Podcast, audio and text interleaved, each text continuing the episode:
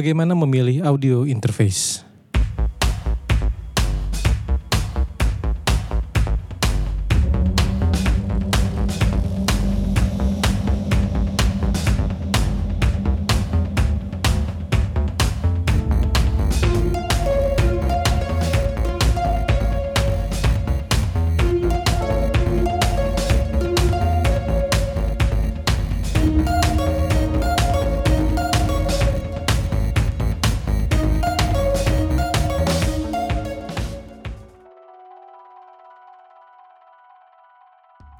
Audio interface adalah perangkat keras penting dari suatu studio rekaman, baik skala profesional maupun hanya sekedar studio kamar tidur.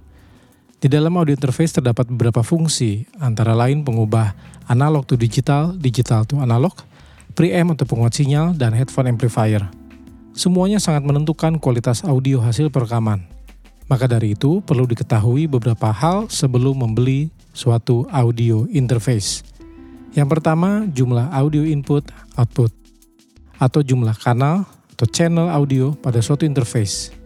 Kalau mau memproduksi solo podcast, tampaknya cukup satu kanal audio.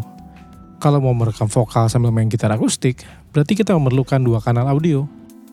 Nah, kalau kita mau merekam drum, berarti kita memerlukan audio interface dengan jumlah kanal minimal 8. Semakin banyak kanal, tentu semakin mahal harga audio interface tersebut. Kedua, jenis koneksi menghubungkan audio interface ke komputer saat ini lazim digunakan jenis koneksi USB 3 dan Thunderbolt yang mampu untuk menghantarkan sinyal dengan cepat. USB 2 masih bisa dianggap layak untuk digunakan pada jumlah kanal yang lebih sedikit. Ketiga, preamp. Preamp adalah penguat sinyal yang sangat bermanfaat untuk menaikkan level sinyal hingga 40-50 dB. Selain itu, preamp juga memberikan penekanan pada frekuensi tertentu sehingga membentuk suatu pola tertentu yang pada umumnya dikenal dengan istilah karakter. Solid, bassy, warm, glassy, presence adalah beberapa istilah subjektif yang menunjukkan karakter kualitas audio. Nah, Anda lebih suka karakter seperti apa untuk proyek rekaman Anda? Demikianlah tiga aspek penting yang perlu dipertimbangkan sebelum membeli audio interface.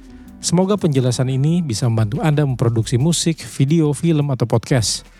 Terima kasih sudah menyimak episode ini pada podcast Rasa Bunyi. Silakan memberikan masukan, komentar, atau request Anda terkait topik ke rasabunyi at gmail.com. Saya Jack Simajuntak, sampai jumpa.